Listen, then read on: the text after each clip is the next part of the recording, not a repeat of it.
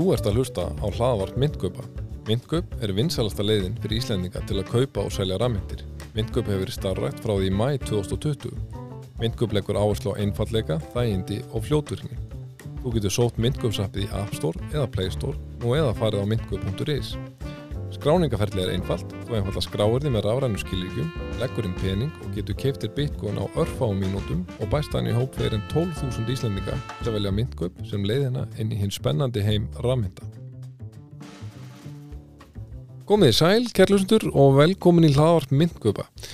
Ég var nú hérna í þessu stúdíu síðast bara í gær og tók þá fram að væntala yrði næsti þáttur tekin upp í dag þar sem búast máttu við ákvörðun bandariska verbreyftlitsins um örlegu umsókna BlackRock og 11 annara sjóða eftir lokun markaða Vestanafs. Og það er tilfellið, í gær var ákvörðun byrt og hver var hún? Jú, eins og elvist margi vita nú þegar, þá voru umsóknar samþyktar. Já, nú er þessu langa ferli lóksins lokið og búið að opna dyrknar fyrir stærstu sjóðun í bandaríkjunum að eiga viðskipti með bitcoin eftir þeim leiðum sem þeim líkar best við. Eins og búast mátti við var mikið flögt á gengi bitcoin í gær, bæði í aðdraganda ákvörnarar og eftir tilkynningu hennar. Um tíma þetta út fyrir að verða mögulega svona bæði rúmor seldi njúsverðhægðun en það er þekktur fjárfestingafrasi sem gengur út á að maður er að kaupa þegar markaðin reiknar með jákvæðum fréttum en selja þegar fréttina raungerast þar sem þá eru flestir þegar búinir að kaupa. Gengi Bitcoin fór nálagt 45.000 dólarum um tíma í gær en er nú í um 47.350 dólarum þegar þessi orð eru töluð. Gengið hefur því enn sem komið er náða að halda í og verja þær miklu hækkanir undan farin að vikna sem verður að teljast bísna jákvætt. Eins og gefur að skilja er ekki talað um neitt annað núna en þessar fregnir og hvaða afleðingar þær koma til með að hafa í för með sér. Maður heyrir nokkur víða að hér séum einhverjar jákvæðustu og stærstu fréttir í sögu Bitcoin að ræða.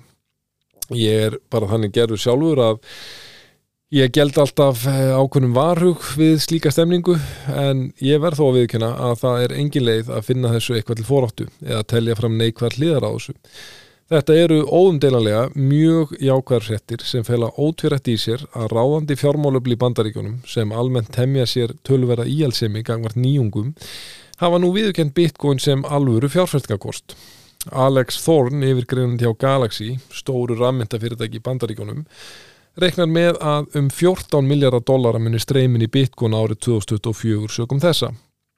Breski bankin Standard Chartered Bank reiknar aftur á móti með mun hærri fjárhæðum eða um 50 til 100 miljarum dollara.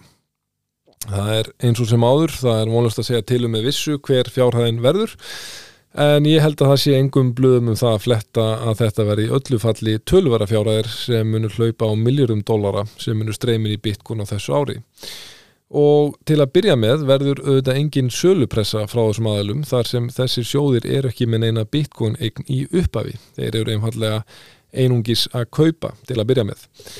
Það sem er kannski ekki beint jákvæðast en svona skemmtilegast við þetta er að nú er endanlega ekki hægt að taka málflutningi sem byggir á því að afskrifa bitcoin sem einhverja bólu og vittleysu alvarlega reyndar vil ég meina að slíkur málflunningur hafi verið tímaskekkja frá árinu 2020 en eh, það er annar mál. Þeir sem hafa ekki trú á Bitcoin eru þetta velkomnir í umræðina en það verður þá, finnst mér, að gera þá kröfu að þeir vinni að minnstakosti einhverja smávegis heimavinnu og færi sig yfir á örlítið hæra plan heldur en hefur verið enginandi til þessa. Það ætti að vera öllum til góðs og geta hjálpað fólki að vega og meta raunurlar forsendur og taka sínar eigin og vonandi upplýstu ákvarðanir.